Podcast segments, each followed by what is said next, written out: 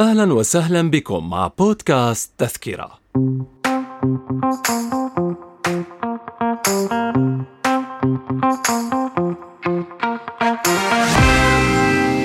نرحب بكم مستمعي الميادين بودكاست في حلقة جديدة من بودكاست تذكرة التي سنتناول فيها سلسلة حلقات برنامج الأطفال الشهير التليتابيز وما يدور حولها من قصص وروايات مختلفة فمنها ما هو مرعب ومنها ما يتحدث عن مؤامرة مخطط لها لاستهداف الأطفال.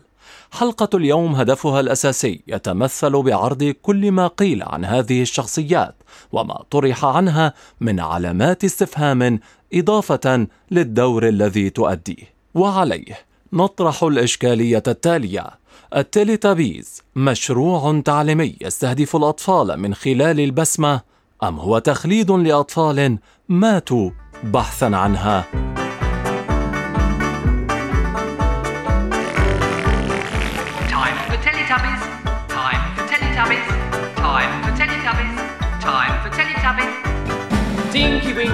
Tinky Winky. Dipsy, La La, La la. Po, Ah, Teletubbies, Teletubbies. say hello. تيليتابيز مسلسل بريطاني تلفزيوني موجه للأطفال من إنتاج آن وود وأندرو دافنبورت لشبكة البي بي سي الحلقة الأولى بثت في الحادي والثلاثين من آذار مارس عام 1997 وسرعان ما حظي باهتمام وسائل الإعلام ليستقطب بحلول آب أغسطس أكثر من مليوني مشاهد لكل حلقة. It was time for Tubby Toast. Oh, Tubby Toast.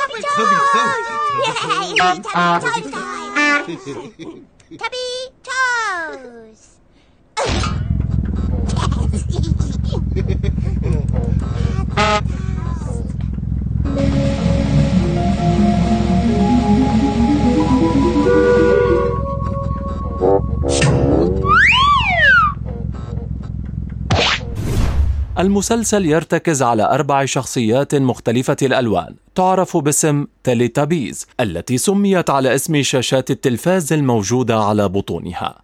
تينكي وينكي. هو أكبرهم لونه أرجواني وله هوائي مثلث على رأسه وغالبا ما يحمل حقيبة حمراء.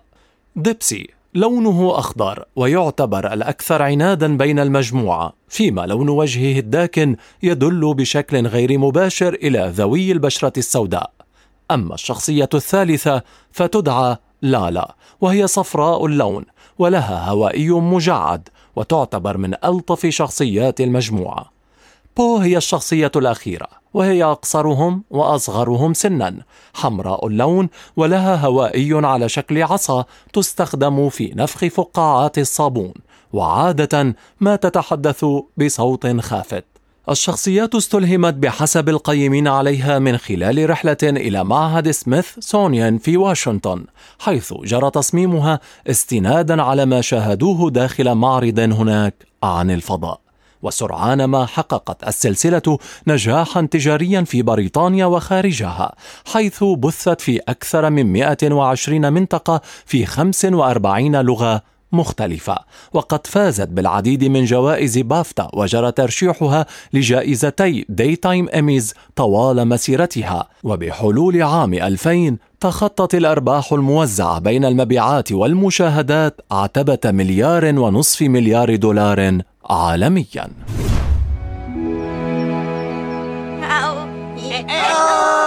Un jour, au pays des Teletubbies, les Teletubbies avaient des objets. Das Tubby-Auto brachte die Teletubbies zum Wiesenspielplatz. 一天，在天线宝宝乐园里，轮到小波穿裙子了。裙子。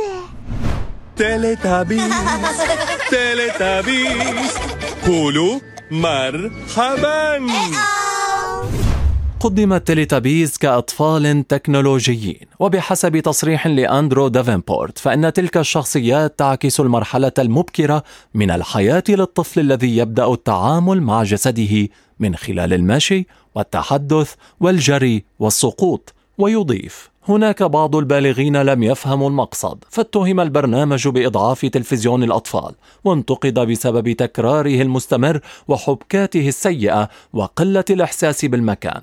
لكن هذا هو بالضبط ما أردناه.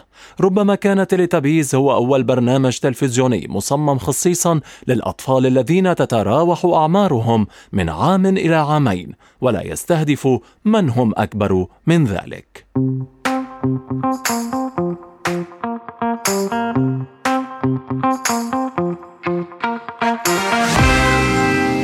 ما جرى عرضه مع بداية الحلقة إلى الآن. كان يستند إلى تصاريح ومعلومات مستقاة من مقابلات صحفية لمنتجي العمل. وبالرغم من أن صانعيه أصروا على أن الهدف من العمل هو تعليم الأطفال الصغار إلا أن كثيرا من القصص والحكايات المرعبة قد ظهرت حول تلك الشخصيات. أفكار كثيرة لا منطقية طرحت حول المسلسل، فمنهم من قال إن الهدف هو السيطرة على الأطفال وتنويمهم مغناطيسيا من خلال أصوات البوق الذي يوجه التليتابيس طوال الحلقات، والبعض الآخر اعتبر أن الشمس تجسيد لوجه الشيطان مستغلين وجه الطفل البريء وهو من يعطي الأوامر للبوق الذي يسير شخصيات المسلسل. فيما الهوائيات التي تعتلي رؤوسهم تجسد مثلث الشيطان بحيث تتلقى عبره الأوامر. ولكن بعض القصص كانت أكثر عقلانية كتلك التي أشارت إلى أن المخلوقات وما يتوسط جسدها من شاشات تلفزة ليست إلا لتحضير الناس للمرحلة المقبلة حيث ستكون التكنولوجيا جزءا لا يتجزأ من أجسامنا لا من حياتنا وحسب.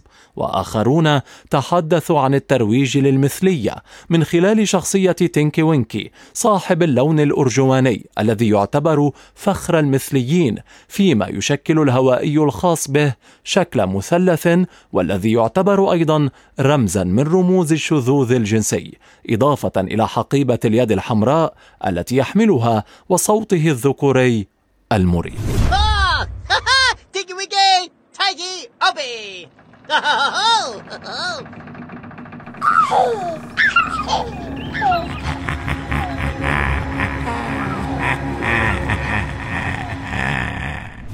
ولكن أكثر القصص غرابة وتداولا. هو ما قيل بأن فكرة المسلسل مستوحاة من قصة أطفال حقيقيين من بلغاريا. عانوا مشاكل صحية ونفسية وماتوا معا نتيجة حادث مأساوي. وعن شخصيات المسلسل فإن الطفل الأول الذي اقتبست منه شخصية تينكي وينكي كان أصم ويعاني تشوها في الوجه وكان يعاقب بطريقة قاسية جدا حيث كان يترك مربوطا في السور فترات طويلة تحت البرد القارس والثلوج المتساقطة حتى ازرقت أطرافه. أما شخصية ديبسي الحقيقية فكان صاحبها الأساسي مشوها منذ ولادته وهو طفل مريض أمضى نصف حياته جائعا لأنه كان يرمي طعامه فكان نحيلا جدا وقضى حياته وهو يعاني الجوع والحرقة في الحلق والمعدة بسبب تقيؤه الدائم فأصبح لونه أخضر. فيما الشخصية الثالثة. لالا فهي طفلة لم تعاني أي مرض عقلي عند ولادتها. لكن بسبب حبسها في دار الرعاية فترة طويلة تحول لون بشرتها للأصفر بسبب قلة التعرض للشمس. أما بو فهي طفلة ولدت مشوهة. أدخلت معهد الرعاية وتعرضت للإهمال وأصيبت بحروق أيضا.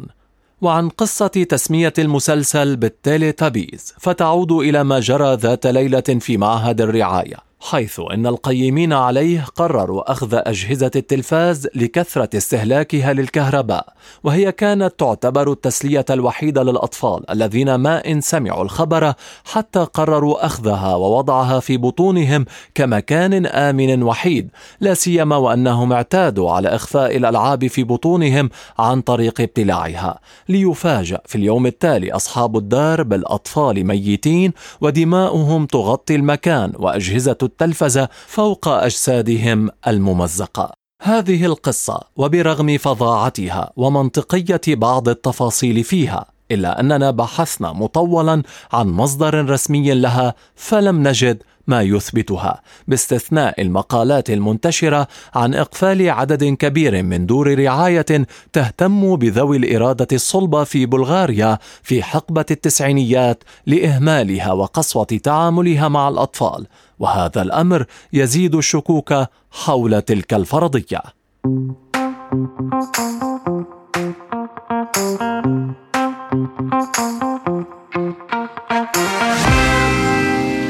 في الخلاصة فإن اللغز الكامن حول حقيقة التليتابيز لا ينفي مخاطر التلفاز والهواتف الذكية وما يشملها على الأطفال وعليه تبقى الرقابة على ما يبث ويعرض التذكرة الأمثل لحماية أجيالنا القادمة ومستقبلهم. وأنتم شاركونا رأيكم.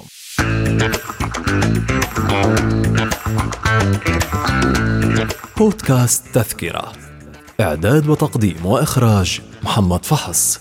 الإشراف العام بلال عبود إنتاج الميادين.